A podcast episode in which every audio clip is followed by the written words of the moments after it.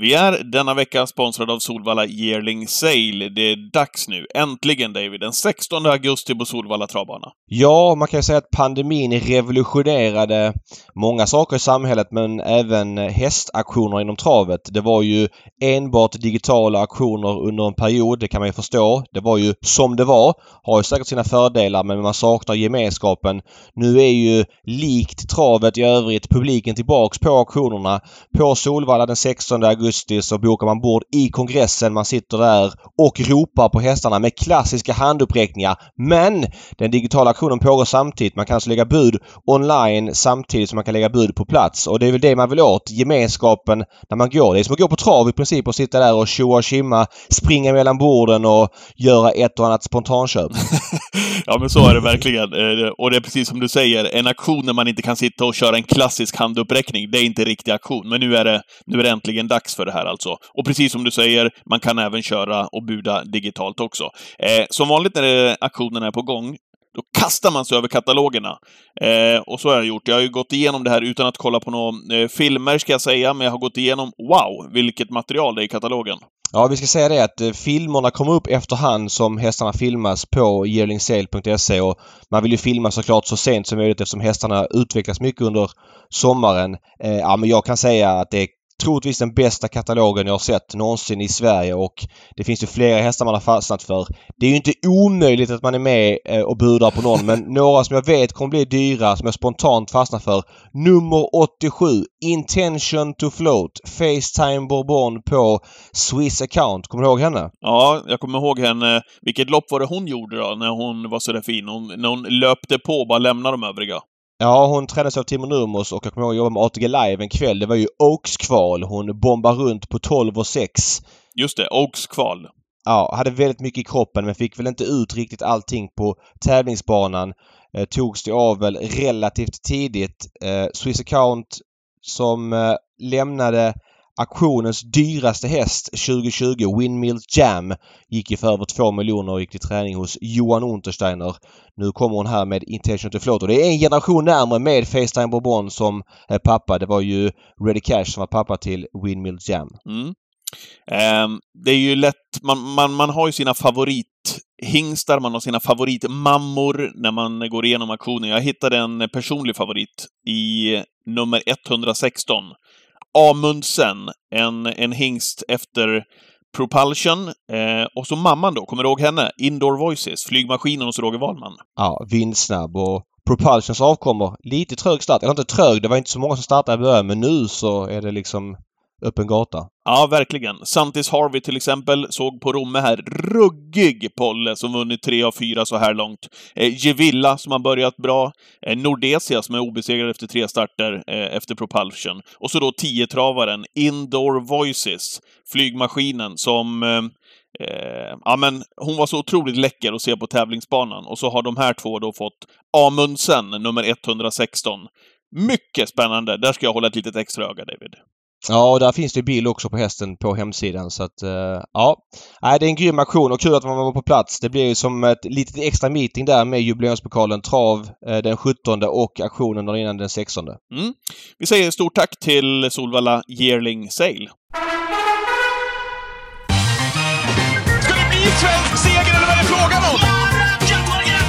What the horse, what the driver! Och med det så säger vi välkomna tillbaka till Travpodden efter några veckors poddsemester. Hej David! Hej Patrik! Hur har du haft det? Eh, jag har haft det väldigt bra. Eh, det var inte så länge sedan vi körde. Det var väl... Var det inför Eskilstuna? Jag har nästan glömt bort när det var. Mm, eh, ja, men lite drygt en månad sedan var det sen. Och eh, vi är inte helt tillbaks i gängorna än utan vi kör väl lite sporadiska avsnitt. Nu kommer vi ut idag måndag till exempel. Det är inte vår vanliga poddtid men det är Åbergs imorgon och det är en bra sammanfattningsdag och så vidare. Så får vi se när vi kommer, om vi kommer nästa vecka eller veckan därpå. Vi får se lite men vi, vi kommer att komma mer frekvent nu i alla fall framöver. Sen ja. så tar det väl någon vecka till innan vi är tillbaka i gängorna på riktigt. Så är det. Eh, hänger du med lika mycket nu på sommaren som du gör eh, annars i, i travet? Ja, det är väl klart jag hänger med. Eh, även om man är bortrest och sådär så har man ju mobilen med sig så man ser ju alla storlopp. Jag spelar mindre, det gör jag för att jag har inte samma tid att läsa på. Nej. Men eh, till V7 pluggar jag och sådär men övriga dagar så följer jag knappt och V86 ser jag bara loppen till exempel. Ja. Eh, jag fick ju uppgift av dig under vår korta poddsemester här att under min lilla travturné jag skulle ut på i södra Sverige eh, notera och reflektera över saker som vi kunde ta upp här i podden. Poddmaterial, helt enkelt. Mm, mm, mm. Content! Exakt. Eh, högst upp bland mina noteringar i mobiltelefonen. Så Men jag... först och främst, var har du varit? Ska vi säga det först? Ah, Okej. Eh, ja, men jag började, vi började nere i Halmstad, Sprintermästaren. Jag kommer till det alldeles Ja. strax här. Och sen eh, så har vi varit i Tingsryd en vecka. Vi drog iväg till Vaggeryd en utav dagarna. Eh, vi åkte sen tillbaka till Tingsryd och åkte till Kalmar eh, i dagarna två. Eh, och det var ponnytrav. Men i och med att det var ponnytrav så är insprängda ponnylopp också, som det heter, så har det blivit stortrav på de här dagarna också. Så en del intryck ifrån de här sommarpärlorna ändå, får man väl ändå säga, som jag har varit på. Ja, och det är lite här på de här mindre tävlingsdagarna. Jag menar, Kalmar kör väl en stor dag. Det är ju midsommar midsommarhelgen. Sen så vet inte jag vad de kör för en typ i höst i princip. Så det har varit en, en mindre tävlingsdag på Kalmar gissar jag. Och sen eh, Vaggeryd. Och ingen träff med Vaggerydsmannen. Men Nej. en otroligt härlig eh, upplevelse där ändå, med luckor på plats och folk som satt där och eh, fikade. En, eh, en, härlig, en härlig kväll. Ja men berätta, berätta. Eh, ja, eh, jag kan, vill du höra av Vaggeryd eller vill du höra Nej, överhuvudtaget? pu- jag vill ha dina punkter. Ja. Över Hur du sammanfattar. Ja, Bra och dåliga saker. Ja, men högst, Förbättringspotential. högst upp bland mina noteringar och det som är huvudgrejen med hela det här, det är hästen Simon som har varit på alla släppar under eh, den senaste tiden och tyvärr framförallt under eh, gårdagen givetvis. Eh, För familjens ponny eh, travturné eh, innefattade då tävlingsdagar eh, på de här eh, banorna som jag precis berättade om. Eh, Vi började med Halmstad på Sprintermästarkvällen. Vi kom dit dagen före då på onsdagen och hade rest ganska så långt. Installerade våra ponnysar på Halmstad stallbacke onsdag kväll. Helt dött på, på Halmstadtravet. Det var läckert förresten att vara där bara. Och när man visste vad som väntade, det var som innan stormen skulle dra in där faktiskt. Mm. Eh, packade ur våra saker där på Halmstadtravet, kom in i stallet som vi skulle vara på. Otroligt fint fixat. In med våra ponnysar i boxarna eh, i travskolestallet där vi skulle stå. Eh, trodde vi skulle stå själva där faktiskt. Mitt emot våra boxar eh, så står det en häst. Eh, och eh, en, en, en granne till våra ponnysar, en ståtlig rackare, gråvit i färgen. Eh, klokast av ögon. Och det som jag noterade med det här var att han istället för en boxdörr, som alla andra hästar har givetvis, hade ett tunt, Rep. tunt snöre. Ja, precis. Som skilde honom från boxen och stallgången. Han brydde sig inte heller speciellt nämnvärt när vi kom in där om vår entré, utan stod mest och bevakade eh, ponnysarna. Och jag sa det till Li, min fru, när vi kom in där, att otroligt vilken fin häst som, som stod där och var, verkade så klok. Och då, då förstod vi såklart inte vilken betydelse han skulle ha där eh, dagen efter och vilken roll han skulle spela på Halmstadtravet när, när tävlingarna väl var igång. Simon. Jaha, vad häftigt. Okej, han stod alltså mitt emot er. Mm, Simon, outrider-hästen, som tillsammans med då sin följeslagare och vän Camilla Olsson skulle göra kanske något av de starkaste intryck på mig i alla fall, när han vid två tillfällen där tidigt på kvällen, på Sprintermästarkvällen, fick rycka ut, fånga in eh, lösa hästar på tävlingsbanan. Snyggt, proffsigt och någonting som alla välkomnade in i den svenska travsporten. Simon och Camilla där som blev snackisen där jag var på stallbacken, men även i publiken under den kvällen. Och så kom de in då i stallet efter de hade fångat in och så sa jag till Camilla att Wow, jag blev så imponerad av deras samarbete och deras sätt att hantera de här situationerna ute på banan. Det gick liksom blixtsnabbt. Och eh, Camilla berömde Simon och tackade eh, för berömmet och så sa hon att ja, men jag hoppas inte att det blir några fler utryckningar den här dagen. Det hoppas man ju aldrig eh, och det blev det ju inte heller. Och det Nej, blev det inte förrän det var. Ja. Eh, och det blev det ju inte förrän det var dags för Storchampionatshelgen på Axevalla. Eh, och tävlingarna hann väl knappt börja eh, förrän det blev en olycka och det var dags för Simon och Camilla att rycka ut igen. Och den här gången gick det inte eh, lika bra för Simon som skadade sig vid det där tillfället eh, då de skulle fånga in den lösa hästen. Och det visade sig att han skadade sig så illa att han senare fick avlivas. Eh, det här tog otroligt mycket på, på mig där jag satt och på många, många andra märkte man ju också. Per förmedlade på ett kanonsätt tycker jag i tv-rutan. Eh, och det här var ju någonting det här var ju en häst och ett ekipage som verkligen hade kommit till den svenska travsporten, David, för att göra eh, det här till en bättre och säkrare plats. Och gjort sånt otroligt intryck på så kort tid. Ja, det, det kändes verkligen. Vad, vad känner du själv kring det här?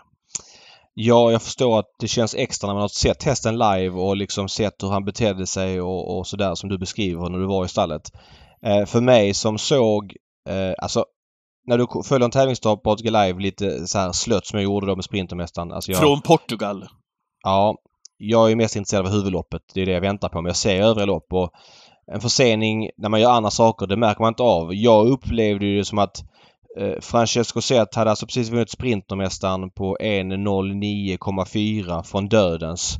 Eh, kanske en av de ja, fem svettigaste prestationerna någonsin på en svensk travbana. Topp 10 då, alltså, eller något sånt. Det är ju den kategorin. Det är ju där med Calgary Games derbyseger. Det är där med Ridley Express kriterieseger. Det är där med flera andra av de här superprestationerna. Men, men, men och det var för mig liksom grejen. Eh, dock var ju grejen av de som var på plats, det var ju den här Simon. Det märkte man ju inte minst i so so sociala medier att folks intryck av Camilla Olsson och Simons eh, samspel och hur det... Det var ju snackisen och jag... Jag ska inte säga att jag hade svårt att förstå det men man upplever det nog mycket närmare när man är på plats och ser hästarna skena runt och man märker att tävlingsdagen drar ut på tiden och hur hon effektivt plockar in dem. Mm. Den grejen uppfattar inte jag. Så därför var jag lite förvånad att okej, okay, här har vi sett en, en, prestation som har varit bland det värsta man har sett på en travbana. En fyra som springer 09 och 4 från dödens mm. och vinner. Eh, men det alla snackar om är en annan sak. Eh, men sen har jag då fått det förklarat för mig av dig och flera andra hur Ja men, ja men jag såg liksom inte bilderna av Fånga hästar så därför var det svårt att relatera till. Men jag fick ju se det i efterhand och då fattade jag lite mer liksom hur proffsigt det där var. Mm. Eh, och sen såklart att, alltså jag blev också otroligt berörd av det här. Den här hästen som är i travsportens tjänst för att göra ett jobb som förenklar travdagarna och sen så händer det där. Du vet ju själv också när man, när det händer någonting sånt där på travbanorna och så kommer en lös häst och så vet du att ja, men, det första du tänker är hoppas det går bra för hästen och kusken ja, som är inblandad och så vet du att det här, ja det kan ta hur lång tid som helst egentligen ja. innan hästen ens stannar. Eh. Det kändes som att det fanns liksom en utstakad karriär för Camilla Olsson och Simon då i, i svenska travsporten med, med som ett givet inslag på större dagar. Vi pratade om det. Ja, vi pratade om det. Eh, jag ställde frågan kort i, i stallet och sa de det också att ja, men vi kan ju inte åka runt hela landet liksom och det förstår man ju på alla stordagar. Men däremot så fanns det ju en ett, ett, eh, ett behov av att få in Camilla och Simon eh, på, på de flesta av lopp i alla fall, så mycket som de kunde jobba, givetvis. Ja men Elitlopps, nu dök hon ihop i samband med Sprintermästaren, men Elitloppssöndagen där när vi hade incidenten i V75-loppet på söndagen där Jonas Gylling ramlade ur sulken och hans häst skenade. Mm. Det tog ju många minuter. Det var ju dyrbar TV-tid. Vi låg i TV4. Vi hade mycket tittare. Hela dagen blev eh, försinkad. 20 000 på läktarna som Tänk dig det jublet, tänk dig det jublet ja, om du hade haft Simon ja, och Camilla där. Mm. Ja men det är klart att det finns luckor att fylla från Outrider. Det är inget snack om saken. Så att, Nej, det var otroligt tråkigt och sättet, det kändes så, så eh, jag vet inte, onödigt på någon vänster. Alltså så han hoppar väl över en sån här vit markering som man blev lite rädd för. Det kan man väl förstå att han gör. Men det kändes så otroligt liksom, nej, jag vet inte. Nej. Så, nej, också ont i magen efter att jag, det var så man ju live det där som hände i lördags liksom. Ja. Att, ja. Alla tankar i alla fall David, från Travpodden till Camilla och alla andra runt Simon eh, som var här som sagt för att göra den svenska travsporten till en bättre och säkrare plats. Prestationsmässigt, du var inne på det, Francesco Zet. Eh, kan vi få ett drömmöte förresten efter den där prestationen mot Calgary Games? Ja, det där är ju kul för att eh, när man ser en sån prestation så är det så att folk som uttalar sig om travet där du är en och jag är en och det finns hundratals andra i Sverige. Man har ju sina favoriter. Vissa har ju bestämt sig för att Calgary Games är det bästa någonsin. Vissa andra har bestämt sig för att de här franska i-hästarna Isoard Vedacqua och Idalio de Triard är det värsta någonsin. Eh, och vissa tycker att Francesco Zet är det värsta någonsin. Och så finns det ju andra hästar som man också har sina supportrar. Ehm, det är så kul för att eh, nu vann han på, på 9-4 från dödens och eh, jag som ändå tycker att jag kan vara ganska objektiv och, och se bra prestationer tyckte wow vilken prestation. Vissa andra menar på att ah, men vänta tills han får möta de här i-hästarna i Frankrike. Då, då, då kommer han få känna på andra grejer. Jaha. Och sen var det andra som sa ja men 9-4 eh, från dödens. Har ni glömt bort Calgary Games? Han gick i 11, vad gick han? 11-8, 11-9 från dödens i derbyt förra året. Det var väl en värd prestation. Det ska alltid sättas i ett sammanhang. Och det är klart att jag vet inte hur många gånger på tio år man får de här undantagshästarna. skillnaden mellan Calgary Games och Francesco Zet, det är ju svårt att säga. Jag, jag kan inte säga vem som var bäst som fyraåring. Det är jättesvårt. Det man kan säga det är att till Francesco Zets fördel är det ju att han startar oftare. Vilket jag tycker är... Då är det lite svårare att toppa till en enskild prestation. Han är ute i kungapokalen, försöker final, Ja, det, det är alltså två- leverans på leverans här. eh, Sprintermästaren, eh, två hit samma dag, Pre Ridley Express. Eh, och nu är det ju derbyt och jag, jag vet inte om det blir Europaderbyt än. Det har jag inte hört Redén säga för det är väl på Vincennes i år och sen är det British Crown och så vidare. Det kommer vara en mycket längre säsong än vad Calgary Games fick när han var så bra som fyraåring. Det tycker jag talar till Francescos fördel. Å andra sidan, Calgary Games kull eh, var ju tuffare än den Francesco Zet är. Alltså Calgary Games hade ju alltså Örnas Prins, Mm. San Motör, Brambling bakom sig i derbyt. Nu har ju inte Francesco Zet varit ute i derbyt än men de som var bakom honom i kriteriet och Sprintermästaren är inte av samma kaliber som de som Calgary Games har mött. Så det är ju svårt att säga men jag tycker ju... Jag landar ju att menar, Calgary Games, visst han har gjort nio starter och är obesegrad och han är grym och jag är den första att hylla hans derbystart. Eller derbyprestation. Men jag landar ändå också i att ah, han har inte startat eh, sen förra året. Han har inte gjort någon start i år. Visst, det är avel och jag fattar att det är pengar som styr och jag säger inte att det är något fel i det. Men som travsportskonsument vill man ju se hästarna tävla. Mm. Och för mig så... Nej, tumme upp för Daniel Redén som låter Francesco Zet tävla. Såklart också för att hästen behöver lopp och utvecklas och allt det där. Men det finns också i, i boken att Stalsett som äger då Francesco Zet, ja men han eh, tävlar fyra gånger nu sen går han till avel. Det måste väl kanske vara det mest ekonomiska fördelaktiga för dem. En säsong till i avel men här väljer man att tävla vidare. Vilket det ändå handlar om. Nu ska ju Calgary Games tävla här ju. Han ska ju ut i Ja, jubileumspokalen han var ju ute och, och såg väldigt, väldigt fin ut i ett jobb här alldeles Ja. Och, och det är ju såklart jättekul att vi får se honom. Det är ju det man vill se. Det här är ju en av de bästa hästarna vi har haft i Sverige någonsin i Calgary Games. Jag vill se honom tävla. Men det har blivit för långt utan tävling, tycker jag. eh, För att det ska vara optimalt. Men alla gör sin grej och återigen, eh, det är mycket pengar i aveln. Menhammar betalar mycket pengar för någon som avelshingst och Timo Nurmos som delägare. Jag förstår dem. Mm. Men jag tycker som travsportkonsument, jättetråkigt.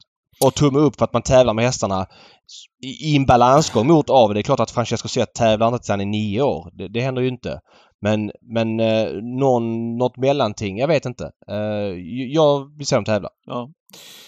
Ja, men eh, prestation... Vem tror du skulle vinna ett sånt möte? Oh, oj vad svårt. Mm. Ehm, ja, men eh, omöjligt att säga ju. Eh, helt omöjligt att säga. Ja, så är det faktiskt. Och det är olika på distans och sådär men... Ja. Eh, jag ser inte att någon av dem är gynnad eller missgynnad av någon distans. Eh, det känns som att de springer lika fort av alla distanser liksom. De är så pass bra. Det är ju, det Så är att här får vi nog spekulera och jag vet inte när de skulle mötas. Jag tror, nu gissar jag, jag vet inte, men jag tror inte att Francesco Zet startar i Prix som femåring. Utan jag tror man väntar kanske ett år till. Utan jag tror man tar Elitloppet nästa år.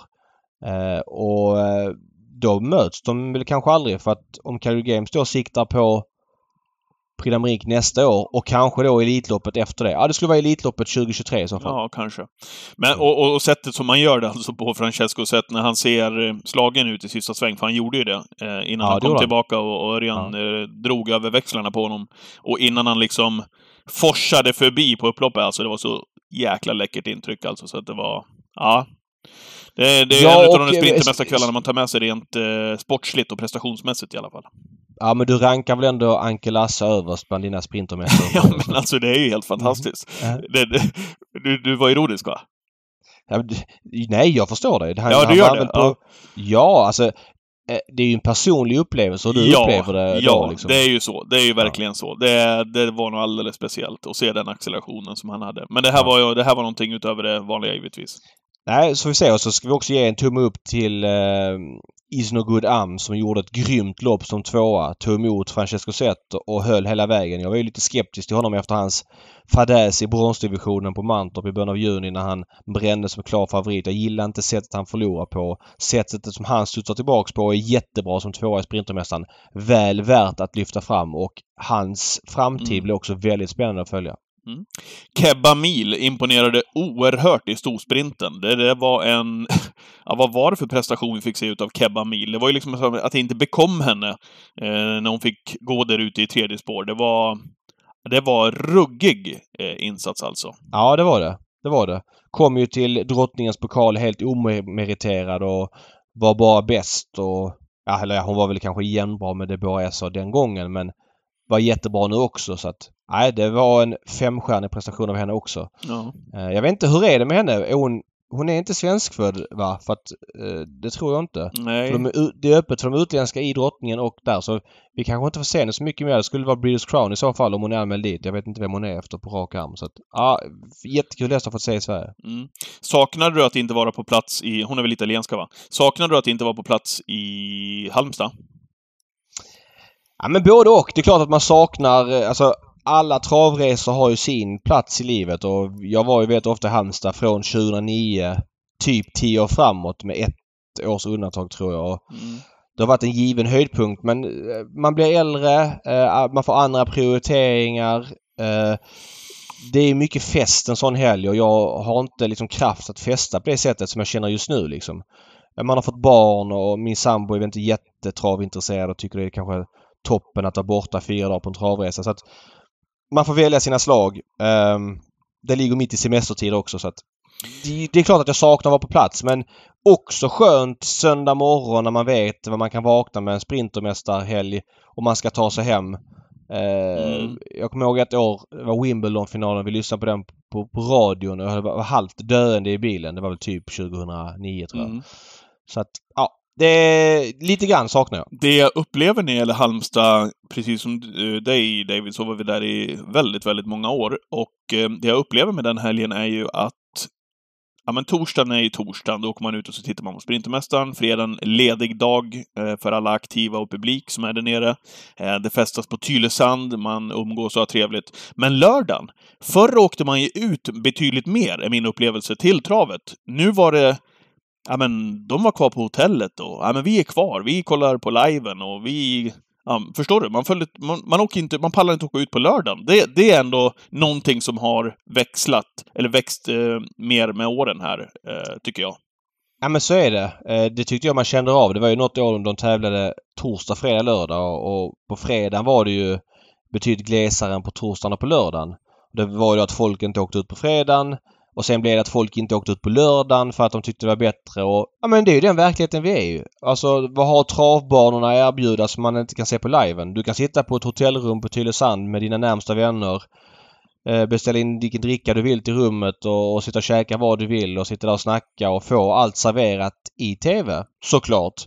Eh, Medan du på banan hör lite dåligt, får ingen riktig info, måste sitta med liven på och då blir du osocial med dem du är med.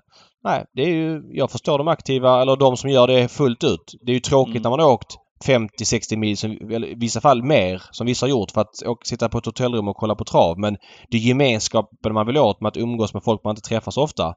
Så att eh, jag har full Ja. förståelse för det och det är också en signal om vad banorna har att jobba med. Jag framöver. fick inte heller någon känsla av att det var någon publikfest där, eh, de där dagarna Nej, heller, alltså på faktiskt. bilderna som jag såg så var det ju klart glesare än tidigare. Nu vet jag inte hur vädret var under helgen. Det var väl sådär men vi har ju en gammal eh, kollega du och jag, Per Karlsson, eh, Lill-Per, som jobbar på OTV och han är ju från Halmstad och hans pappa Bengo är ju en institution på Halmstadtravet och jag bara kollade om hans känsla om publik, hur det var och hans... Eh, jag, kollade med Per som mässade sin pappa Bengo som har varit på alla Sprintermästarna, ja, jag vet inte, 50-60 år och han sa att det var en halvering mot ett normalt år. Det var hans känsla torsdag och lördag. Ja. Eh, Sen om det stämmer, jag låter inte det vara en sanning men det var hans känsla. Kanske också att raljera lite grann över att oj vilket publiktapp. Så att eh, ja. Eh, vi tar med oss ifrån den helgen också, David, en häst som du har varit tidigt inne på. Ehm, ja, det är många som har varit det såklart och pratat om kapaciteten, men du var inne på att han skulle göra ett kanonlopp och vinna eh, även eh, då. Det var ju Rackham, Kristoffer Erikssons Rackham, som äntligen fick till det. Och som han fick till det också. Du var inne på att han skulle Ja, vinna det där Rack- loppet. Så, Rackham- Grattis David! Ja, nu lyckas jag med konststycket att inte ta betalt på honom som den odugliga travspelare jag är under sommaren när jag inte liksom hänger med riktigt. Jag hade med honom på V7 men det var inte aktuellt då och, och, och sådär. Eh, jag betalade mycket för honom på Kalmar. Då hoppade han i sista sväng. Han var ju 3 där nu men äh, det är en förmåga man har att inte kunna ta betalt. Hade han vunnit, jag var kvar på V7 så det blir dunder men nu var inte så fallet och då är det som det är. Kul att han funkar igen Rackham. Det ska bli kul att se honom i Hugo Åbergs. Ja. Ehm, så är det. Ehm, vi har ju också, vi kommer strax in på Hugo Åbergs Memorial som körs imorgon på, på Jägersro, en av de stora höjdpunkterna eh, under sommaren såklart. Eh, när vi ändå är inne på Francesco Zetter och Daniel Redén. Don Fanucci Zet var ute och vann med minsta möjliga marginal på Årjäng eh, när det gäller Årjängs stora sprinterlopp. Det sedan Brother Bill fått full anfallsorder ute i banan. Eh, vilket härligt upplopp det där blev och vilka, vilka, återigen, vilka prestationer. Framförallt då kanske av Don Fanucci sett. Ja, han var grym Don Fanucci sett och där finns det några reflektioner att ta med från det loppet. Dels att segertiden inte stämde. 1.10,2 hissades upp och den fanns i flera dagar men det kändes som att det gick fortare med tanke på att det gick så mycket fortare på varvet eh, och sluttiden kändes inte hundra och mycket riktigt kom ju, jag såg Sulkesport skrev i veckan att eh, segertiden inte stämde, den skulle korrigeras. Så det var ju bra att man ändrar på den grejen för att det är ändå rätt stor skillnad på 10 och 2 eller ja, 9 och 7 eller vad det var när man går först i tredje spåret helt varv. Mm. Det är det första. Eh, det andra är ju att eh, Don Fanucci Zet är en otroligt bra travhäst. Han är nog så bra som han någonsin har varit. Elitloppsfavoriten Don Fanucci Zet som ja, eh, är ett speciellt kapitel tycker jag med, med den utveckling han har haft som ja men 3, 4, 5, 6-åring liksom. Eh, och det är väl rimligt att man ibland kan känna att de blir lite mätta nu som sexåringar inför sjuårssäsongen. Kanske börjar köra lite snällare med dem. De är fortfarande kanske lika bra men kanske mentalt inte orkar göra lika mycket jobb i loppen. Det finns inget sånt eh, i eh, Don Fanucci set. Kommer du ihåg när du spikade Don Fanucci set på Romme? V75s första avdelning tror jag att det var. Ja. Typ 30 procentare. Från ja, 28 procent. Han mötte LL Royal. Ja, och så sa jag det. Du, ehm, går du på Don Fanucci sätt verkligen? Ja, men han ska vara bra den här. Det, ja. ja, det var bra. Det är som du säger, gången. utvecklingen. utvecklingen Nej, exakt sen dess. För sen efter det vann han ju eh, V75 final. Och, nej, efter det var det Kungapokalen, försök final. Tvåa i finalen slagen med Nors va? Av Aetos Kronos. Sen var det finalen, Elitloppshelgen. Sen var det fortsatt efter det. Mm. Eh, men men den, den sjukaste reflektionen då, hur den är, det är ju att det är ju stenhårt i mål. Brother Bill eh, som hade varit lite sämre under Elitloppet och i sin comeback var bra igen efter en invändig löpning för Magnus Djuse. Det är stenhårt, hästarna går i mål. Då är bildproduktionen följande. Hästarna går i mål. Eh, man ser inte vem som har vunnit. Istället då för att bygga på dramatiken, det vill säga visa en repris från målkameran. Fram och tillbaks, fram och tillbaks. För det är det det handlar om. Eh, blir det låg utdelning eller lite högre utdelning på eh, V75 den här dagen, vinner storfavoriten eller skrällen? Det är det som är snackisen. Nej, och då blir det istället... Eh, ja men vi kör en repris från drönaren. Eh, för att den bilden finns. Vi kör en repris från innerplanskameran för att den bilden finns. Vi kör en repris från eh, en, en kamera uppe i backen för att den bilden finns. Där har ju bildproducenten ingen känsla för vad som är grejen. Bena ut och bygg dramatiken med som är först i mål. Helt ointressant att se reprisen från drönarkameran från innerplan. Man kan inte avgöra vem som är först där. Jag, jag, jag kan förstå att man vill ha skön bildproduktion, men inte i det läget. Inte i det läget. Det, du kan köra de repriserna vid andra tillfällen när eh, Don Fanucci vinner med 30 meter och då man har förstått vem som är etta, tvåa, trea. Då kan man köra andra balla vinklar som man har liksom. Men att man inte bygger dramatiken bildmässigt med vem som är först i mål. Det tycker jag är otroligt uselt och ytterligare ett exempel på att det saknas kompetens och känsla för sporten hos vissa som jobbar med produktionen. Ja, det där var, det var någonting som man reagerade på, eller inte bara du, för du har ju, du har ju tagit upp det här tidigare. Det var ju många som var inne på den linjen också. Man fick ju, där och då så, ja men så har du ju, dels är det ett storlopp, många sitter där, eh, många har Don Fanucci sett, man sitter och väntar på, vill själv försöka bilda sig en uppfattning om vem som är först i mål och du får inte chansen ens att, ens att bilda dig en uppfattning. Jag tror Nej, ena, ena man bilden var... Inte. Nej. Och sen ytterligare så, jag, jag satt och kollade på det här tio minuter, en kvart efteråt. Jag såg ingen Eh, inget målfoto. Det kanske kom senare men det ska ju komma direkt ju. Det här är en grej som jag snackat om länge. Varför finns inte målfotona i bra kvalitet direkt? Nu, nu har det kanske kommit efter det och sådär men det måste finnas nära till hands snabbt. Eh, förmedlingen var liksom nu bildproduktion från eh, drönaren och så säger Fredrik C. Widman Ja, jag sitter här och kollar på ett målfoto på innerplan och där ser det ut som att Don Fanucci vinner. Men eh, det är inte säkert men det ser ut som det. Det är, så, det, det är det eller dött lopp säger han. Men vad är det för Jag säger inte att Widman gjorde fel i det läget för han förmedlar vad han ser men produktionen måste ju kunna leverera rätt bilder. Sen ser man ju inte på bilderna vad som är rätt men låt folk känns, eh, gissa själv. Eh, eh ah, ta det igen, ta det igen och så vidare istället för att hålla på med, med felaktiga liksom eh, bilder. Det är helt ointressant och där måste man steppa upp. Det där har jag tänkt på överhuvudtaget. Ehm, även om du får rätt bilder, alltså det kan vara vilken dag som helst det där. Även om du får rätt bilder och det är stenhårt i mål så behöver du inte heller leka att du är målkamera. Utan låt, låt tittaren själv framför liven eller framför TVn eh, bedöma själv och få en egen känsla istället för att köra någon gissningstävling. Det, det, Ja. det, det finns liksom ingen... Eh, Inget, inget cred i att, att ha rätt på vem som är först i mål när det är stenhårt. Utan, ja men låt kameran visa. Vi, vi återkommer strax med resultatet. Behöver inte Ja, gissa på eh. vem som är först i mål. Samma sak som med omstart så ska man vara snabb med att säga vilken som helst som har orsakat omstarten. Vet man till 100% vad det är, ja då kan man säga det. Men ofta så blir det fel för att man ser inte alla 12 hästarna samtidigt och vad som sker. Och då är det bättre att låta domaren säga vem som har gjort omstarten. Kul att se Brother Men- Bill förresten i, i, den, i, i den stilen han kommer där ute också, även om han bröt ut där några spår. Men eh, wow, vilken avslutning Ja, från Brother Bill. Han Jorma fick ju visa igen då. var ju, var ju petad bakom honom till den här starten. Mm. Han körde Babbel F, ja. Exakt. Ja, ja, alltså så här, jag vet inte till 100% man är petad men jag kan inte tänka mig att han väljer Bubble F före Brother Bill om han är uppsatt på båda. Magnus och Djuse körde och eh, sett till hur det gick här nu så är det nog en stor risk att Magnus och Djuse kör Brother Bill framöver. Mm. Om han vill. Han var förresten inbjuden till Åbergs, Brother Bill. Man tackade Han nej. var det? Man tackade nej. Mm. Okej. Det, det kanske är så Ja. att man, man, man behöver... Brother Bill är väl, är väl Brother Bill, höll jag på att säga. Det är väl inte bara att starta, starta, starta med honom, utan han, han kanske behöver lite återhämtning också, den där. Ja, men så är det För att han ska, vara på, för att han ska vara på fyra fräscha. På tal om bildproduktion och sådär. Eh, dagen efter var det det här Sankt Michel-loppet i ehm, Finska skogen. Heter- Sankt Michel heter det. Heter? Mikkeli heter banan. Det, det såg jag med ett halvt öga, eh, just till loppet. Men, vad, men finsk bildproduktion, det, du kan inte ha så stora förväntningar där, David. Det har ju sett likadant Ja, ut men i, eh, i, i var alla tider. Där sitter man och kollar på loppet. En av de sämsta styrningarna jag någonsin sett i travlopp, det var ju den här, vad heter han, Hanno Toivinen. Torvinen. Mm. Han körde ju Next Direction. Först lämnade han ryggen på ledaren, sen svar han ut till hästarna i tredje spår och hästen skrittade i mål. Men det var inte det som var poängen. Det var ju... Eh, Mr Hercules satt ju andra spår efter 400 meter. Då klippte man till någon närbild. Och sen när man klippte tillbaks då satt Mr Hercules i tredje spår. Mm. Och det var så här, ha? Och vad har vi förmedlat för känsla här liksom? De har liksom bommat eh, att hästen avancerade och jag, det är klart att man bommar när man ligger på närbild. Men ligger inte på närbild där det kan hända saker. Så fort man ser att, den, att någon drar i högerkammen då måste man klippa till helbild så att tittaren får se vad som händer. Mm. Det är ungefär som eh, i i helgen här nu från Axevalla. Det var något långlopp där det är hästar utspridda över eh, Ja men de kommer...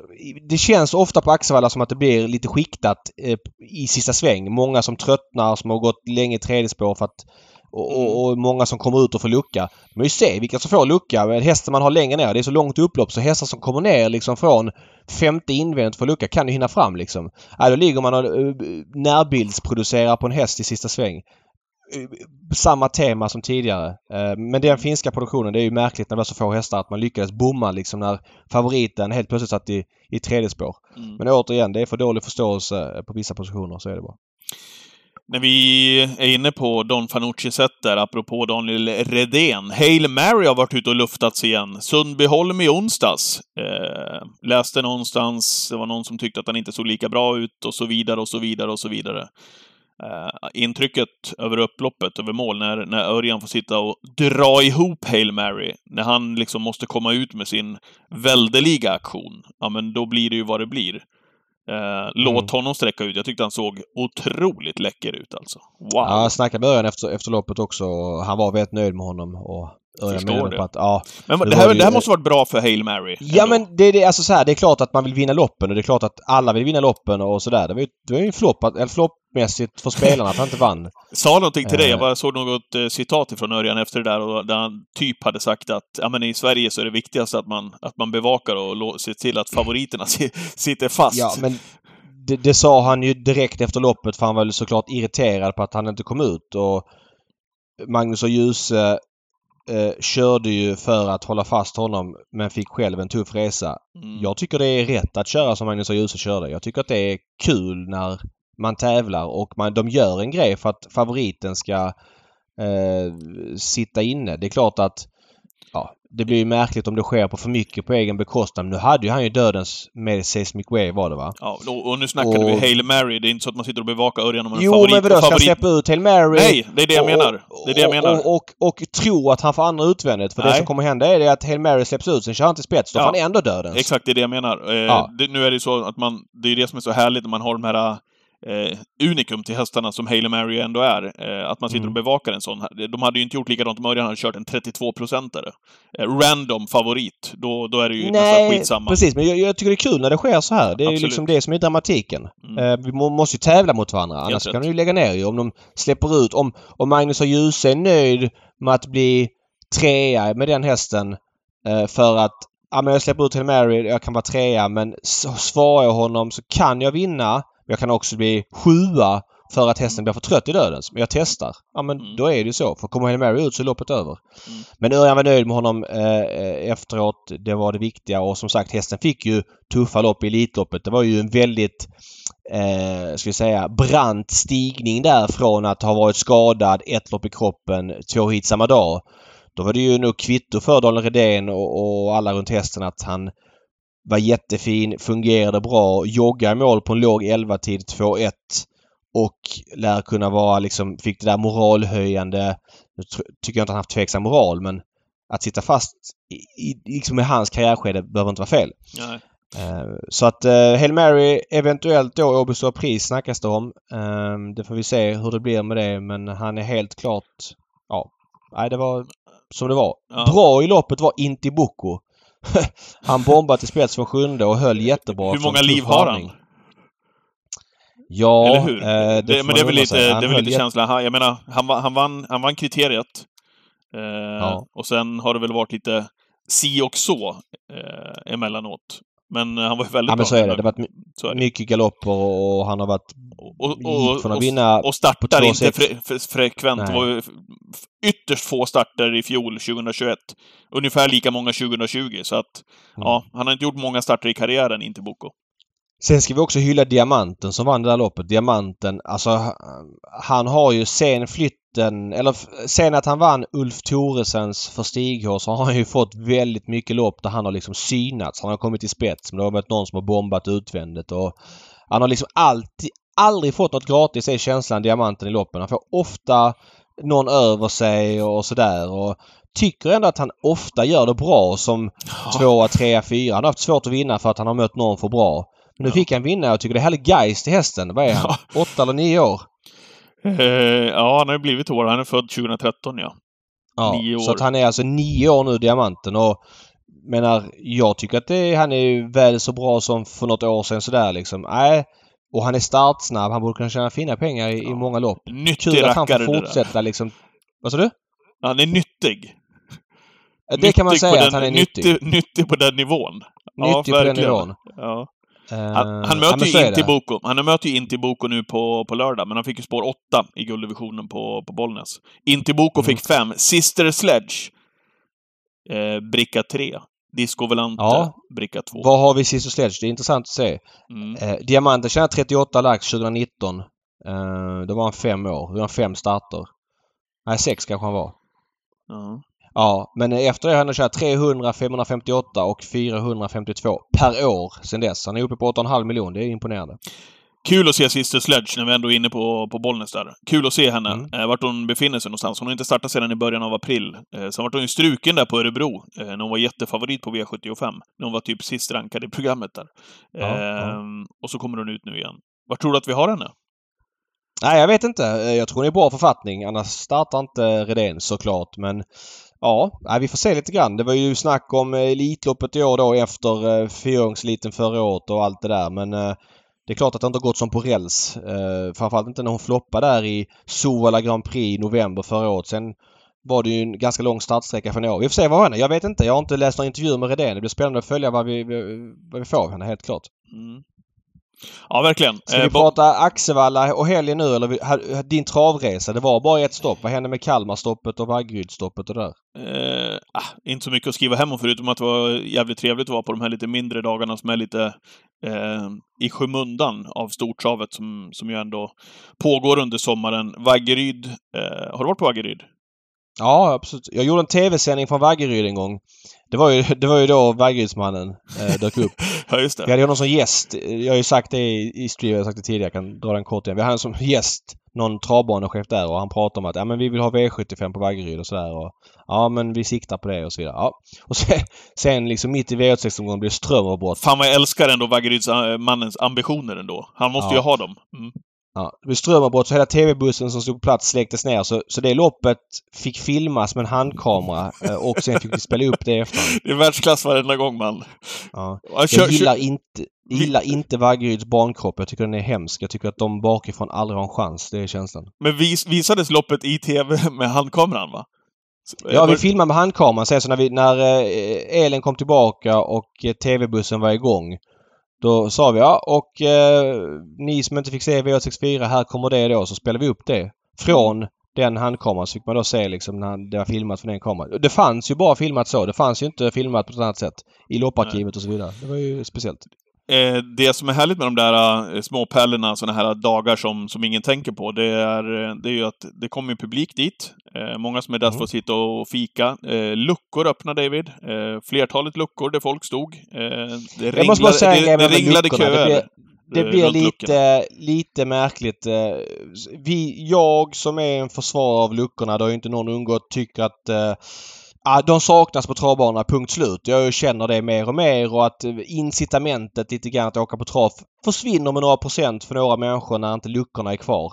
Då måste alla andra grejer på travbanorna steppa upp så det är värt att åka ut när luckorna har försvunnit. Mm. Eh, och då säger vissa, ja men tror du att folk kommer tillbaks för att man öppnar luckorna? Nej, så är det ju inte såklart enbart. Men det är också så här, bara för att en bana kör luckor någon gång, det, det liksom gör inte så stor skillnad utan folk har ju lärt sig nu att det finns inte luckor på banorna. Så att Bollnäs kör det på sin V75-dag nu på lördag.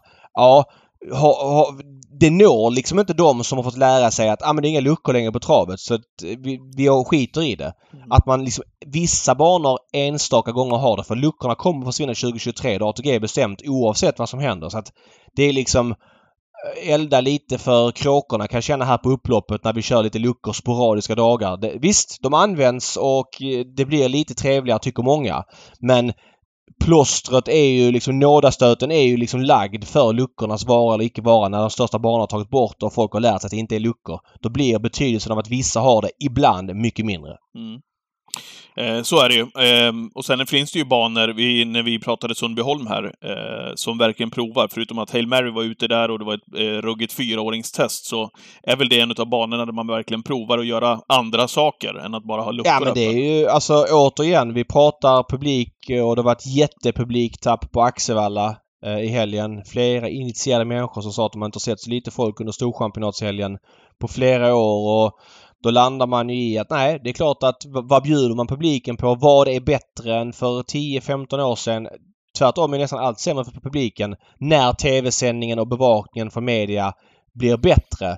Eh, och, och då är det ju märkligt att man förväntar sig att folk ska komma. Vilka banor gör någonting? Jo, Sundbyholm och deras eh, Stefan Eriksson, han är ju totalt överlägsen på det planet. Det finns ju flera andra vassa. Vi har ju Fölet på Åby som är vaken och, och gör saker.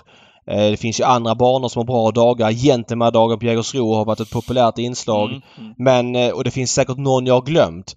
Men nu hade ju Sundbyholm sin stordag här i onsdags va? De tappar också publik likt alla andra travdagar innan pandemin. Dock inte lika mycket som många andra dagar. De hade Sean Banan som uppträdde, de hade massa andra grejer och så vidare. Där händer det ju grejer. Eh, Det gör det ju inte på flera andra banor där ja, man ställer ut en grillkiosk och tror att det ska lösa sig. Så att Stefan Eriksson är en kille som flera större banor ville, borde vilja attrahera för att liksom få någon form av buzz runt sina stordagar. För att det räcker liksom inte med det som finns när andra grejer som luckor och sånt försvinner. Då Nej. måste man lyfta sig och det har Sundbyholm förmågan att göra. Eh, Det saknar många andra banor, inte alla. Jag nämnde några exempel på några Mm. som gör det bra. Till exempel då Fölet på Åby och eh, Jägersros Gentleman-dag om man ska peka ut en dag. Det finns andra bra dagar men på det stora hela för dåligt. Ja. Eh, nej, han är, han är ruggigt duktig, eh, Stefan Eriksson. Framförallt gäller Helt ju- överlägsen. Vi var ju där eh, i första juli. Det var ju Prova. den här storhelgen när eh, de körde V75. Då var det ju någon eh, något event där för eh, E3-finalisterna. Ja, Sen vet inte jag om det var E3 som pröjsade det eller om det var eh, Sundbyholm eh, specifikt. Men han var ju inblandad i det eventet där på Sundbyholms slott fredag till lördag. Liksom, man känner direkt att det är en annan vibe. Ja, framförallt, så Eh, prov, så framförallt så provar han ju saker. Sen, eh, Ja men han har ju idéer. Han har ju Ja. idéer, testar utanför vinkeln. Jag menar Sean Banan, jag skiter väl i Sean Banan personligen. Men det finns ju många som tycker att det är ett jätteusp. Ja men okej. Vi, vi, ska vi gå på trav eller inte? Men Sean Banan är kul. Min tioåriga son gillar Sean Banan. Ja. Ja. men då blir det ett incitament att åka ut liksom. Ja. Så att, och det, ger, det är klart att jag som besökare upplever att det blir en trevligare stämning om det är så att några andra tycker att något annat än loppen är kul. Då blir det ju en mer festivalkänsla. Mm. Enkelt. Visst, det kostar ju pengar såklart men antingen satsar man på publiken eller så skiter man i det. Jag menar, ta bort luckorna, ja man sparar lite pengar. Ja, det gör man ju såklart. Det är ju självklart. Man tar inte bort det av, utan en anledning. Men sen samtidigt så stoppar ATG in 275 000 i Big Nine-potten en random gång utan att kommunicera utåt. Ja, vad får man för de 275 000? Ja, lite grann någon omsättningskrona. Men vad har man fått för de och man lagt det på publikupplevelser och sådana grejer? Alltså du fattar, det blir liksom att elda för kråkorna. Ja, vi sparar på publiken, tar bort luckorna. Men vi lägger det på Big Nine utan att marknadsföra det. Hål i huvudet för mig. Tänkte på, när vi är inne på, på um, evenemangen, tänkte på Axvalla nu när jag var där i, i, i helgen och såg några trötta bilder ifrån kvällen där, after trot kallar man det va? Börje Mm. Bappelsin. Nu vet inte jag hur länge man har haft Börje Bappelsin eh, som eh, artist där, eh, men det såg eh, ganska så trött ut och där gör man ju det, där gör man, tar man ju verkligen det enkla. Eh, man, man kör på samma som man har gjort de senaste Ja, jag vet inte hur långt Ja, det kan. alltså så här- 15 år. Det är liksom ingen sådär eh, ny Nej. grej som man känner så här: wow, men det här ska vi stanna Men- och gå på. Här har du ju verkligen ett superläge. Börje Bappelsin är säkert skitbra för de som tycker att Börje Bappelsin eh, ja, har någonting, men för en annan, vad, vad, vad, ska man stanna kvar för att se på Börje Bappelsin, after trot, snacka trav? Alltså det... Nej, Här har du ju verkligen världens läge. Det är jättemycket människor som är där och du har chansen att bygga en kväll kvar på Axevalla, där man, det vi har pratat om tidigare på Sol- Solvalla och kongressen. Där blir Ja. ni utkastade direkt de går i mål i sista loppet. Du har ju världens chans Ja, att göra inte, någonting inte efteråt. riktigt så, men, men det har ju varit åt det hållet, ja. Mm. Men Börje Bappelsin liksom. Nej men, men, men okej, jag är med dig. Det, det kan man tycka. Jag var på Solchampionatet 2011 bland annat. Jag har varit där några andra år och då var det Börje Bappelsin som lirade också. Eh, det verkar som att många i den trakten tycker att han är skön och att han bidrar med någonting. Jag skiter lika mycket i Börje Bappelsin som jag skiter i Sean Banan. Men jag tycker att Börje Bappelsin är bättre än ingenting. Då har man ju försökt med någonting i varje fall. Om man säger att det är 50 pers som gillar Börje Bappelsin. Ja men då får det vara det. Sen får då Axevalla göra. Är det värt att pröjsa honom för att få 50 pers? Ja men det, det får ju vara sin sak ju. Och det är klart att det lockar ju knappt någon till, till banan. Jag kan, inte, jag kan inte prissätta Börje Bappelsin. Men man försöker ju ändå med någonting. Och det är klart att har man folk där en hel helg runt banan som bor på banan. Då måste man ju kunna ha någonting som attraherar efter travet också. Då är det här bättre än inget alls, men kanske inte tillräckligt. Vad har vi för låt på Börje Bappelsin? Jag vet inte faktiskt. Jag kan mycket dåligt eh, om vad han har för musik och så vidare. Mm. Han är stor i den regionen där, Skara, Ja, Skövde-regionen. ja, det kanske är så. Hur som helst eh, så finns det ju... Du, du kan ju bygga en sån kväll på, på, på ett... Sean på väldigt många hade olika dragit sätt. mer folk. Kanske. Eh, hade han gjort. Men han hade varit dyrare också, så är det ju. Ja, ja kanske. Var det någonting annat det är lätt, Va? vad sa du? Var det någonting Det är annat lättare för Eskilstuna att, eh, att eh, få Sean Banan med avståndet till Stockholm än vad det är för Skara. Det vill jag också säga. Mm. Nu kanske inte var Sean Banan jag tänkte på i första hand, men ja, du fattar. Eh, var det någonting annat ifrån Sundbyholm där eh, i, i Nej, det var det väl inte. Spont- Jo, det var ju fyraårstestet där eh, Kentucky River vann väl på en låg 12-tid och var sjukt bra. Men Luke Schermer, vilket lopp den hästen gjorde. Det var ju 10,5 på varvet. Annat varv kvar. Sprang han 14 sista varvet trots 10,5 vid 1600 meter. Otrolig prestation av Luke Schermer. Han har ju mycket innanför lungorna och man får disponera loppen på ett bättre sätt. Mm. Uh, Kentucky River bra. Framstår väl kanske som andra tredjehandare i derbyt tillsammans med den här Lulius Bucco som Timo Nurmos har bakom Francesco Zet. Tänk ändå Per Nordström. Han hade väl sin stora derbychans förra året såklart med Önas Prins som var jättebra i derbyt. Blir slagen av en för dagen omänskligt bra Calgary Games. Kanske han får en ny chans nu. Eh, Nordström var i alla fall eh, Kentucky River en som ska vara med i diskussionerna om slutsegern även om han såklart inte är lika bra som Francesco Zet. Ja. Axevalla i helgen, Storchampionatet, gick till Daniel Wäjersten, vilket jobb han har gjort med great skills. Så det säger jag för att eh, även om hästen var väldigt, väldigt framstående och fin hos Hans-Ove Sundberg, tidigare tränaren, så har han ändå fått i uppdrag då, David, att förvalta det här myntet. Eh, det vill säga att ha, hon, eh, ha henne i ordning inför Storchampionatet. Eh, och liksom valt ut med precision matchningen då fram till gårdagens stora uppgift. Eh, det är snyggt när det lyckas. Eh, måste man säga. Wäjersten, den stora segerherren alltså. Vad säger du om Wäjersten och hans kometkarriär som det ändå har varit här nu? Eh, och så Ja, jag- i synnerhet jag- jag då tyck- great skills. Ja, jag tycker att han är grym på många sätt. Dels tycker jag att, gillar att han kör själv. Jag tycker han kör jättebra som travkusk. Han kör... Fan vad är- tussarna sent igår, tänkte du på det? Han röck, ju, han röck ju tussarna så sent igår på Ja, det är great möjligt. Det tänkte, det tänkte jag inte på. Men, men jag Han gillar hade sättet han kör på. Han kör ju väldigt vårdat. Han kör ju inga stora rörelser. Lite Örjan light. Men kan även vara offensiv och bestämd. Jag tycker att han har förmåga att få ur max av hästarna. Det är det jag pratar om många Många eh, andra tränare, jag behöver inte hänga ut någon, men de... Alla hästar hoppar in i kostymen så att de ska försöka bli stjärnor. Sen når man inte dit då, vissa kanske bara når till silver men siktar man mot stjärnorna så kanske det bara blir klass 1 för att hästen inte tål upplägget.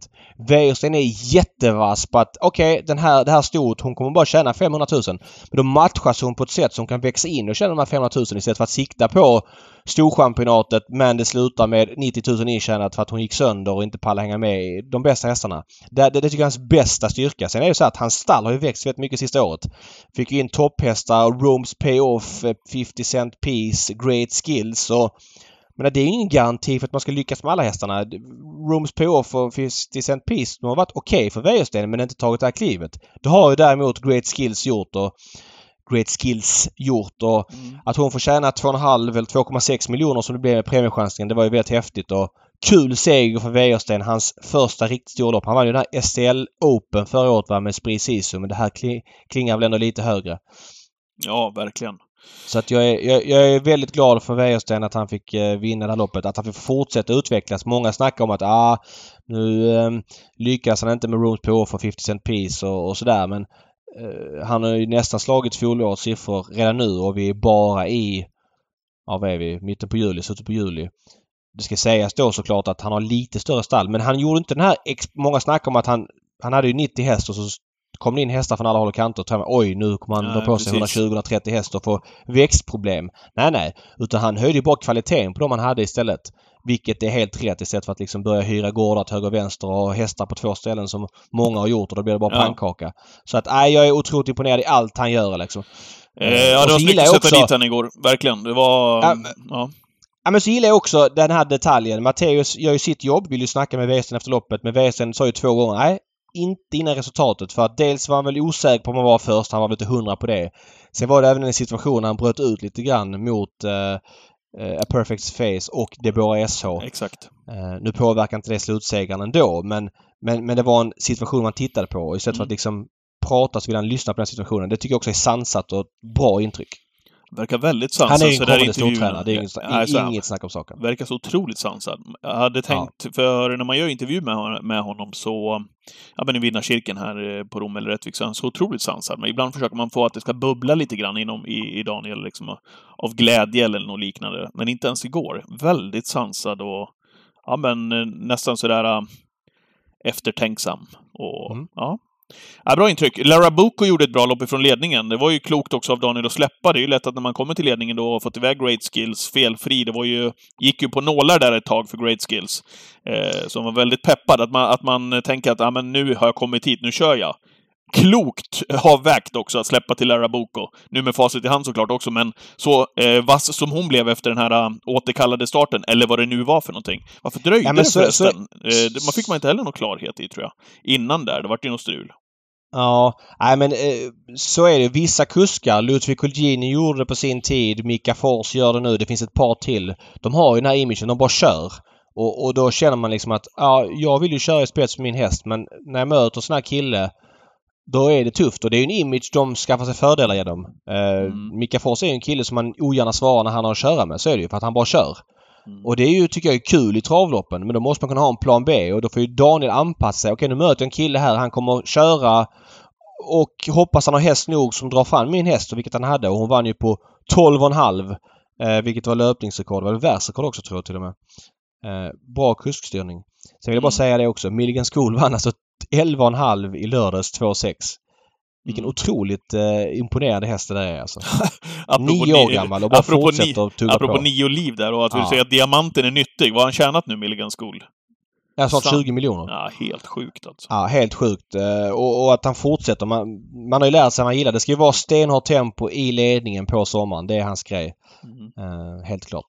Vad tyckte du i övrigt om Storchampionatet, eh, så som det blev? Ja, nu fick vi en tid där som skriver in sig i historieböckerna och vi fick en vinnare där i Great Skills. Eh, jag satt, eh, apropå mitt lilla äventyr eh, i södra Sverige, så satt jag och käkade lunch med Fredrik Persson faktiskt på Kalmartravet. Mm. Eh, och då hade Deborah SH dagen innan, ja, eller två dagar innan, vunnit sitt eh, kval till Storchampionatet. Och så frågade jag Fredrik om han, om han hade Deborah SH där precis där han vill att hon ska vara liksom inför finalen och sånt. Ja, hon känns faktiskt ruggig. Hon är precis där, där vi vill ha henne. Var, nu, nu, nu, nu gick hon ju där i tredje spår och fick jobba där, men var det verkligen det rätta trycket i Deborah SH ändå? Jag tycker man har sett henne hon, går, hon landar alltså in på 12 och 7 efter den resan, så det är väl kanske inte så mycket att säga om. Men hade vi tänkt oss lite mer kring henne? Ja, eh, jag tyckte att hon... Det är inget snack om att hon inte vinner. Det, det är ju rimligt. Men tittar du då på upploppet, för det är det som var avgörande, för när Great Skills bröt ut så var det som att hon lite grann hindrade Ja, Deborah SH. tappade Men lite sen fart, kunde ju ja. inte... Sen tappade ju Deborah SH ganska mycket sista hundra. Och det är klart, att tappa fart när, man, när mjölksyran sprutar ur öronen i det läget, Ja. att, att få en sån framför sig, det gör väl sitt också givetvis. Då, då, tänder Kan- man, då kanske man inte tänder om på alla cylindrar. Kanske att det är så. Men jag, jag, jag trodde hon skulle vara lite längre fram helt enkelt. Trots Mm. den tuffa resan. Ja, Eh, Ja. Så är det. Så är det. Eh, ska vi lämna det som har varit? Jag på säga. Ja, eh, vi gör väl det. Och Eh, det blickar- mycket, och, blickar framåt. mycket att se tillbaka på där. Eh, vassa prestationer det varit och kommer vara framöver. Vi har en riktig höjdare imorgon i Hugo Åbergs Memorial. Kan man, du jobbar ju den dagen. Du kommer vara på plats på Jägers. Hur eh, känns det? otroligt kul att vara på plats igen. Det har ju varit pandemi här, så det har varit uppehåll ifrån cirkeln här något år. Eh, men annars har jag väl kört vinnarcirkeln där nerifrån. Alltså jävla dålig på årtal. Jag försökte sitta och titta på det där, men det är väldigt, väldigt länge i alla fall. Jag har Mm. gjort den tillsammans med Johan Edlund många gånger. Eh, Johan har fått förhinder i år, så att jag kört tillsammans med eh, Mattias Anderberg Mm. eh, i vinnarcirkeln. Ja, Det ska bli kul. Det är, en, eh, det är en speciell kväll, som du vet, som kommer från Malmö. Och Ja, eh, det är Åber- Åbergs kväll. är alltid Åbergs. Ja, Åbergs är alltid Åbergs. Eh, för mig som malmöit så var det det största på, på den tiden.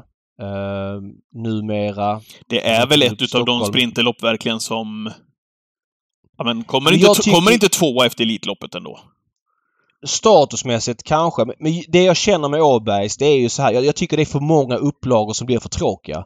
Jag tycker att ett hit 609 meter det liksom finns inte förutsättningar för att det ska bli dramatiskt så ofta som man vill. Vad fan, det har ju, det har ju varit med- några ruggiga upplagor alltså. Jo, men det finns det också. Det säger jag inte, men Ja, men jag kan säga på förra året, Who's Who från spår 1 kom till spets, inget hände, han vann på en 10 tid. Året innan, Double Exposure till spets, inget hände, hon vann. Citation något år, Gide Palema något år på 11 blankt. Visst, sen har vi ju Oaso de Feu gick väl först i tredje och var bra något år när han vann. Varenne gjorde ett av sina bästa lopp någonsin. Tredje spår fram i dödens på Legendary Lover K. Commander 2002, Crow då? På 10 blankt. Commander, Commander Crow. Crow rusade ett år var hur bra som helst. Lavec Kronos eh, vann två gånger. Det finns ju såklart det också men 609 meter ett hit. Jag tycker inte att det är optimalt eh, för att skapa dramatik i travlopp. Kommer Don Fanucci spets till ledningen nu från spår 1 då är loppet mest troligt över. Och ja, vad ska hända där bakom? Spår 1, Sen tycker jag- Kihlström, Redén. Lite spöke, va? Du menar eh, spår 1 problematiken med Elitloppets final och även nu med... Det har varit... Det var Han- Elitloppets final, Miraz. Honey Miraz eh, igår men även då Hail Mary som man får satt fast med. Mm. Ah, jag tror inte de är jätteoroliga. Det är klart att... Ja, man kanske hade valt två då men inte två utvänt som clickbait utan jag tror han tar emot dem och jag tror att det är stor favorit på att han travar. Han blir svårslagen.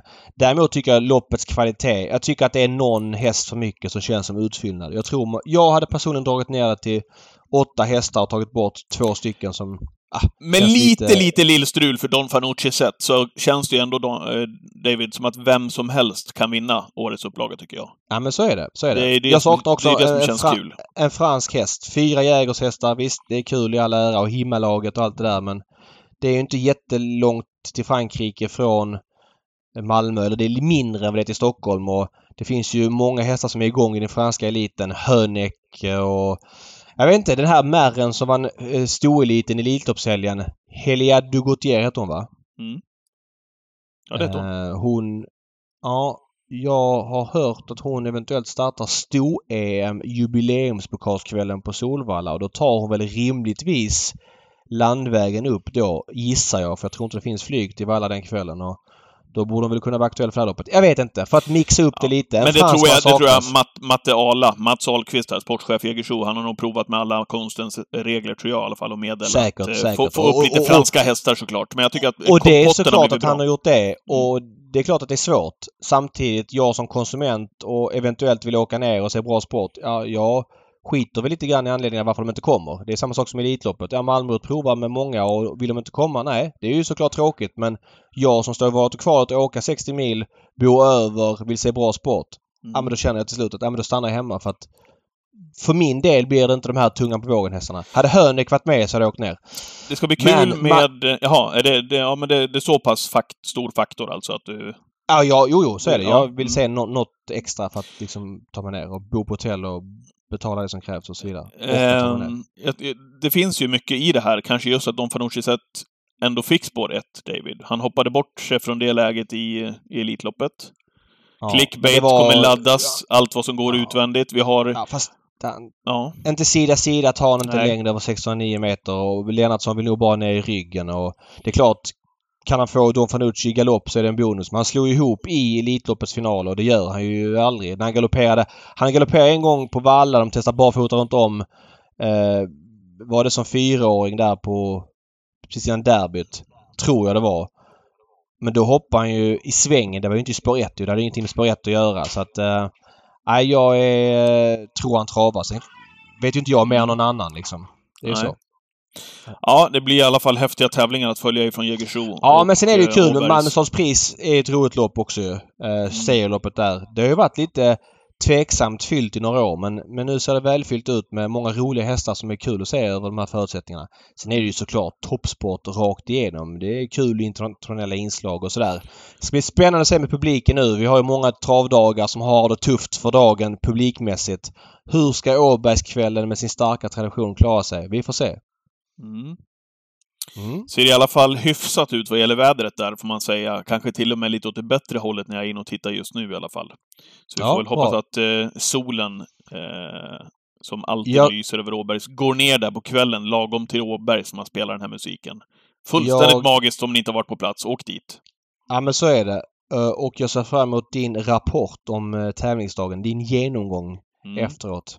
Jag skulle säga det när du Mm. frågade om mitt lilla äventyr där. När man är på, på Vaggeryd där, eh, så hade de öppnat upp där mellan, mellan stallbacken och publikplats, så att publikplatsen kunde gå in på stallbacken. Mm. Eh, det det liksom- tror jag är ett, måste, ett måste på sikt. Ja, men jag tycker att det var eh, så otroligt eh, härligt för man har sett och vant sig vid vid de här tävlingsdagarna att det, man hyr ju, det är det nya, man hyr ju in ordningsvakter som springer runt i gula västar som aldrig har Mm, varit på är trav någonsin. Ja, men faktiskt. Eh, och det har jag också med mig från det här äventyret. Eh, överhuvudtaget. De har ju liksom ingen känsla för... Vi skulle gå in till exempel och bara fixa till våran ponny som startade i ponnychampionatet. Eh, inför start, efter provstarten. Och då kommer vakten fram och säger Vad gör ni på banan? Ja, vi ska fixa till utrustningen. Jaha, men ni vet att man inte får vara på banan? Jo, absolut, men vi får ju vara Ja. där när vi ska rätta Ja, till en sak, va? Och det där... eh, Det där har smittat av sig överallt. Det är gula västar i stort sett överallt med, med ordningsvakter som har fått en uppgift. Eh, och så får man inte eh, gå på olika ställen. Eh, men här då på Vaggeryd så hade man öppnat upp. Eh, det var ju liksom inte... Det satt inte 4000 i gräset så att det var någon fara för säkerheten inne på stallbacken. Utan man gick in där och tittade lite grann hur det såg ut. Man var inne och käkade på stallbacken och, och så vidare. Jävligt trevligt. Det är precis så jag tror att man får folket tillbaka också. I alla fall en liten, liten eh, ingrediens Öppen till. stallbacke. Helt, helt enig med det. Helt enig. Ja, men det är ju så. Normala tävlingsdagar så är det liksom ingen fara eh, överhuvudtaget vad gäller den där biten. Sen fattar jag, stordagar så, så får du väl dra, dra igen då, men eh, normalt sett i, i nio fall av tio så, så funkar det alldeles utmärkt. Apropå det med att åka iväg och Åbergskvällen imorgon. Det kommer ju bli ett litet event här i Stockholm då. Man samlas ett gäng kompisar och sitter man och kollar på loppen. Så är det ju. Ja. Eh, så det är ju inte så att man, att man inte åker dit. Det finns ju möjligheterna som är smidiga. Men jag vill hemskt gärna åka ner för jag saknar den viben du beskriver där i sista sväng och eh, med solen som går ner och musiken och så en kväll på stan i Malmö efteråt och så vidare. Bästa tecknet är när det, man kan ju sitta längs bankant ganska så långt upp på Jägersro, alltså genom svängen. På galoppbanan? Ja, precis. Ja. Och när, när man vet att eh, de som segerdefilerar åker hela vägen upp och vänder liksom, du vet nästan ja. 300 meter ifrån mål. Ja. Eh, och så tillbaka igen. Då, då är det grym stämning på Jägersro. Så och dit om ni inte har haft möjligheten helt enkelt. Ja, eh, David. Har du någonting mer att, att, att komma Nej, jag med? tror det är dags att runda faktiskt. Du, jag såg en Eh, sak förresten här. Jag, jag, jag har eh, småbläddrat i auktionskatalogen medan vi har suttit och pratat här under podden. Eh, Mm. Jag sa ju det, Amundsänder nummer 116, så Indoor Voices. Jag glömde ju att säga det tidigare här när vi körde igång podden, att i, i mammastammen där finns ju till exempel eh, Nadal Broline. Eh, till exempel. Som har tjänat 9 miljoner kronor längre ner på mammasidan där. Eh, Hård häst. eh, ja, det får man säga. Och, och, och ruggiga pollar ännu längre ner också. Med Lindy Lane i mammalinjen, till exempel. Ja, det var bara en parentes, eh, apropå Solvalla Yearling Sale, tisdagen den 16 augusti. Då kommer du sitta där och götta dig på kongressen. Ja, jag gillar att man kan sitta, att det blir ett event av det. Man sitter och käkar och, och träffar folk man känner och sådär. Den detaljen tycker jag är skittrevlig med auktionerna. Mm. Eh, så är det. Här kommer avslutningen för veckans podd. Ni vet vad det handlar om.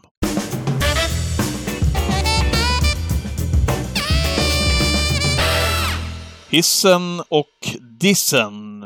Har du hissen klar för dig? Du har fått den uppgiften har i alla fall. klar. Ja. Du börjar dissa. Vi vill lämna med en bra känsla som vi säger. Ja, yes. Eh, jag, jag, jag kan dissa och jag, jag slutar där jag egentligen började den här podden med eh, Halmstad torsdagen, måste jag väl ändå säga då.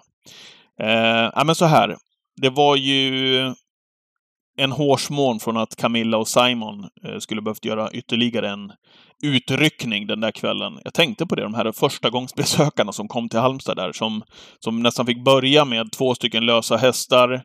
Eh, och sen var det då Lillcirkus i, i Upp till bevis. Du vet vad Upp till bevis är för någonting? Ja, det är det här loppet som eh, folk som inte kör så ofta, det brukar vara tränare i regel. Mm. Eh, de kör ett lopp om året och så kör de upp till bevis eh, Sprintermästartorsdagen. Ja. Jag tycker att loppet i sig eh, har överlevt sig själv. Jag, jag, jag- har svårt att se skärmen längre med, med det här loppet. Jag tycker att det hade någonting i början, de första åren. Jag tycker precis som Ahlsell Legend, som, som man gjorde då på Solvalla tillsammans med Stig och Johansson, hade någonting när man har kuskar då som till exempel Stig och Johansson, Bernt Lindstedt som var där och körde. Lennart Forsgren har väl kört upp till bevis. Han var väl också med i Ahlsell Legends något år. När de här stora eh, kuskarna som jag har lagt kör handskarna på hyllan, oftast av åldersskäl. Eh, och så är de tillbaka så kör de ett lopp. Det finns ju någonting i det.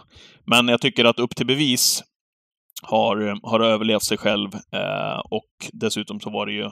Det var lillcirkus i loppet. Det var en hårsmån som sagt från att det höll på att gå riktigt, riktigt illa. Eh, det är inget snack om att de är hästkarar och tränare, att de inte kan köra eh, häst. Det är ju det är ju självklart. Men de kör med lika i samma farter, David, som, som superproffsen och kör med lika små marginaler som när superproffsen kör lopp. Och som sagt, det höll, på, det höll faktiskt på att gå illa i det där loppet. Och ja, jag tycker inte heller att loppet i sig, vad gäller kuskarna, eh, har den digniteten, eller hade det det här året, som gör att det kittlar till. Annars kan det ju vara Vilka lite var med? kul. Jag har dålig koll. Vilka som var med? Eh, jag ska kolla här.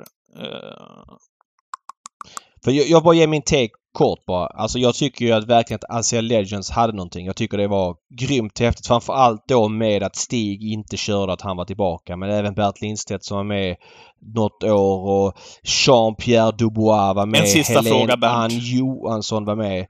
Vad sa du? en sista fråga, Bernt. Nej men alltså att de var med, det var ju en, var en grej. Upp till bevis har varit mer aktiva tränare. Roger Wahlman, Timo Nurmos, Petri Salmela, Lars E. Nilsson. Alltså så här, jag störs väl inte av det men det var väl lite åt... Bobby Möller, Fernlund och Hellberg var väl med i år och jag hade ingen koll på att de hade licens. Att Fernlund har licens visste jag men inte de andra två. Eh, Om man säger Eh. så här, Fernlund, han, han kör åt mig ikväll på, på Rättvik, våran häst. Eh, Mm. Och han känns ju, ja men, missförstå mig rätt, han känns ju nästan överkvalificerad i det här loppet.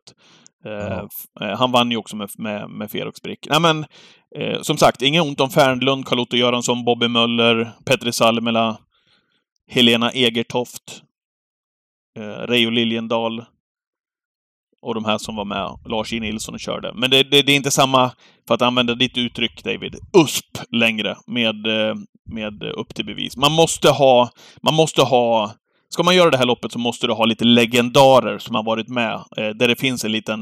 Där det kittlar lite grann av att... Åh, kul Ja men att se de här igen på de banan här nu. vadå, sp- om Salmela, Liljendal och Wahlman och Lars Nilsson de här kör ett lopp om året. Låt dem köra ett lopp om året. Jag kan inte, alltså jag kan inte bli... Det får ju inte vara någon säkerhet, alltså du får inte rugga Nej, men har på du, sett, har du sett loppet? Var det Auto eller Volt? Visst var det Volt? Nej, Auto. Ja det var Auto ja. Okej. Mm. Ja, Ja, ja, det, var, det, var ingenting Det såg som... stökigt ut. Jag håller Nej, med. Det såg jag, riktigt jag gick stökigt inte, ut. Jag gick inte igång på, Nej. på upplägget. Hoppas att Ja. man får till rätt eh, mix i så fall om man ska köra där av, av kuskar nästa år. Ja, eh, jag ska hylla. Vi har varit inne på det. Eh, det har varit en snackis i trav Sverige här under ett par veckor och det kommer ta vid nu med publiktapp till höger och vänster och eh, det är ju en situation av olika anledningar. En liten del är det, en liten del är det och så vidare. Men huvudanledningen är att det sker för lite på travbanorna. Eh, och det är en bana eh, som sticker ut. Sen är det ett par andra som gör det bra. Åby gör det bra eh, också. Men Sundbyholm med Stefan Eriksson i spetsen. Jaha, det var hissen till och med. Totalt Okej. outstanding när det gäller att locka publik till tävlingarna och få publik att trivas. Eh, menar Eskilstuna, med all respekt för Eskilstuna, det är inte Sveriges härligaste stad kan jag väl tycka spontant. Men man åker ändå, kan tänka mig att åka dit ibland för att det är så välgjorda arrangemang och jag tycker att, ja men har ni inga idéer, slå Stefan Eriksson en signal eller åk till Sundbyholm när de har stortrav och försök att snappa upp någonting. För att folk kommer ju dit, eller publiktappet där är ju mindre än på andra ställen så något rätt gör de ju. Eh, Jag tycker att det är värt att eh, hylla. Jag menar har man Sean Banan eller någon artist som uppträder, ja men då är det ju legitimt. Då har man en produkt man bjuder på. Eller Börje Apelsin. 150 150 spänn i, upp, i inträde med, med gott samvete. Istället för att de som gör det en vanlig random dag, de inte bjuder på någonting och man får betala 300 spänn till för torftig mat. Eh, det händer för lite publikmässigt. Sundbyholm är föregångare med Stefan Eriksson i spetsen. Ja, tyckte Toppen. Att du, bra. Tyckte att du var lite blyg där när vi pratade om det tidigare, men då förstår jag. Du, du kom tillbaka till Ja, det här spara, under den här spara punkten. på den, vill spara på den. Ja, det vill är spara på den. Ja, men där har vi det. Där har vi det. Vi eh, håller connection då och är tillbaks eh, väl kanske nästa vecka eller veckan på. Vi tar det som det kommer beroende på vad som händer i Trav-Sverige. Mm, lite så är det. Okej, Mm. alla där ute, ha en fortsatt skön sommar så hoppas att vi ses på Jägersro och Åbergs under tisdagskvällen. Ha det så gott! Bra, bra. Hej hej! Hej. hej.